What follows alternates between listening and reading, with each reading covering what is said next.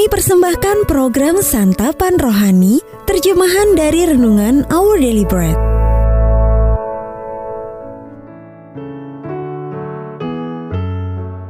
Sahabat ODB, pembacaan Alkitab hari ini terambil dari Nehemia pasal yang kedua ayat yang pertama sampai dengan ayat yang keenam. Nehemia pasal yang kedua ayat yang pertama sampai dengan ayat yang keenam. Nehemia diutus ke Yerusalem. Pada bulan Nisan tahun ke-20 pemerintahan Raja Artasasta, ketika menjadi tugasku untuk menyediakan anggur aku mengangkat anggur dan menyampaikannya kepada raja. Karena aku kelihatan sedih yang memang belum pernah terjadi di hadapan raja. Bertanyalah ia kepadaku, "Mengapa mukamu muram walaupun engkau tidak sakit?" Engkau tentu sedih hati. Lalu aku menjadi sangat takut. Jawabku kepada raja, "Hiduplah raja untuk selamanya." Bagaimana mukaku tidak akan muram kalau kota tempat pekuburan nenek moyangku telah menjadi reruntuhan dan pintu-pintu gerbangnya habis dimakan api? Lalu kata raja kepadaku, "Jadi, apa yang kau inginkan?" Maka aku berdoa kepada Allah semesta langit. Kemudian jawabku kepada raja, "Jika raja menganggap baik dan berkenan kepada hambamu ini, utuslah aku ke Yehuda, ke kota pekuburan nenek moyangku, supaya aku membangunnya kembali.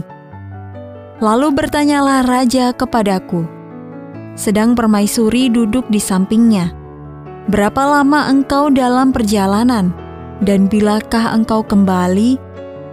Dan raja berkenan mengutus aku, sesudah aku menyebut suatu jangka waktu kepadanya. Ayat Mas Renungan hari ini terambil dari Nehemia pasal yang kedua, ayat yang keempat sampai dengan ayat yang kelima dalam terjemahan bahasa Indonesia sehari-hari. Dalam hati aku berdoa kepada Allah penguasa di surga. Lalu aku berkata kepada Raja. Judul renungan kali ini, apa yang harus saya katakan, ditulis oleh Jennifer Benson Schultz. Sahabat ODB ketika melihat sekotak buku bertuliskan C.S. Lewis di toko buku bekas, saya dihampiri oleh pemilik toko. Ketika kami membahas buku-buku itu, saya bertanya, apakah ia mungkin tertarik dengan iman yang menginspirasi banyak tulisan Lewis? Saya berdoa dalam hati agar diberi tuntunan. Sepotong informasi dari sebuah biografi terbetik dalam ingatan saya. Dan kami pun berdiskusi tentang bagaimana karakter dalam buku C.S. Lewis merujuk kepada Allah. Pada akhirnya saya bersyukur dua singkat tadi telah mengubah arah pembicaraan kami ke hal-hal rohani. Nehemia berhenti sejenak untuk berdoa sebelum percakapan pentingnya dengan Raja Artasasta di Persia.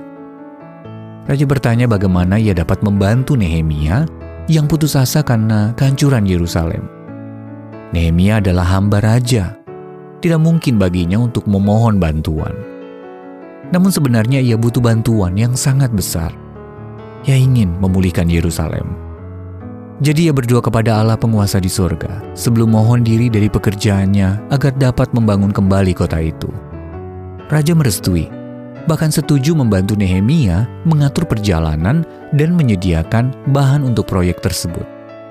Alkitab mendorong kita dalam segala doa dan permohonan berdoalah setiap waktu. Efesus pasal yang ke-6 ayat yang ke-18. Termasuk saat kita membutuhkan keberanian, pengendalian diri, dan kepekaan. Berdoa sebelum berbicara berarti memohon Allah memegang kendali atas sikap dan perkataan kita. Bagaimana dia ingin mengarahkan perkataan Anda hari ini?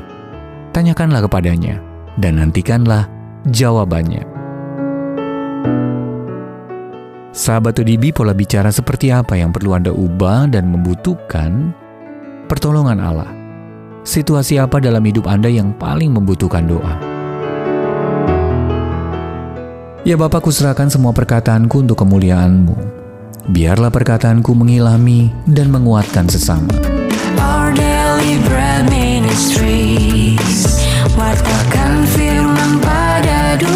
Apakah Anda berminat mendapatkan buku renungan ini dalam bahasa Indonesia, Inggris, atau Mandarin, atau Anda rindu mendukung pelayanan ini, hubungi Our Bread Ministries di 021 2902 8950, WhatsApp 0878 7878 9978, email indonesia@odb.org.